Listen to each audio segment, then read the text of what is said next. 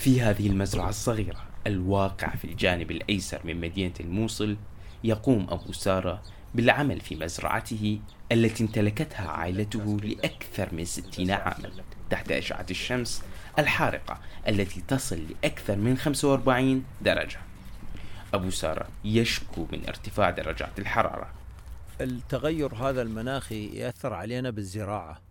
لأنه درجات الحرارة نوبات أنت تزرع هسه مثل ما شفت ها تزرع من هنا جت جت موجة مال حر انتهى. لازم ترجع شو تسوي؟ ترجع ها تسوقها مرة ثانية تفلشها. تسوقها تجيب لك حب مرة ثانية تقعد تصرف غاز وماطور يلا تنبت مرة ثانية يصنف العراق في أعلى قائمة الأماكن الأكثر حرارة في العالم هذا الصيف. ويعود هذا لعوامل التغير المناخي وعدم استعداد العراق بأي شكل من الأشكال لهذه التغيرات التي حذر منها خبراء منذ سنين. المزارعون غير قادرون على إنتاج جميع المحاصيل هذا الصيف. أنت كثير من المحاصيل الآن إحنا متجنبينها من الحرارة.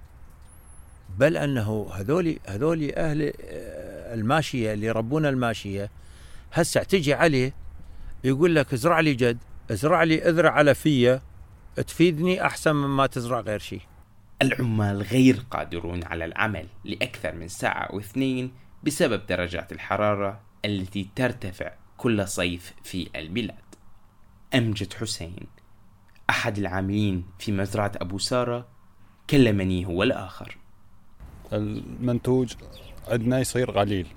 يعني شلون الوارد مالنا قليل والمصرف أكثر. نصرف كثير ومنتوج هذا قليل مالنا الوارد. من ناحية الحر من ناحية وحدي أنا أشتغل. ماكو يعني ما عندي وارد حتى أجيب عامل معايا حتى أساعد نفسي يعني. لم يتم اتخاذ أي إجراءات مسبقة من قبل الجهات الحكومية لمساعدة المزارعين لمواجهة هذه الارتفاعات الغير مسبقة في درجات الحرارة. فهم يشعرون بأن الجهات الحكومية قد تخلت عنهم وتركتهم يواجهون مصيرهم الذي يئيل من سيء إلى أسوأ في كل عام. ميثاق الخطيب راديو السلام من الموصل.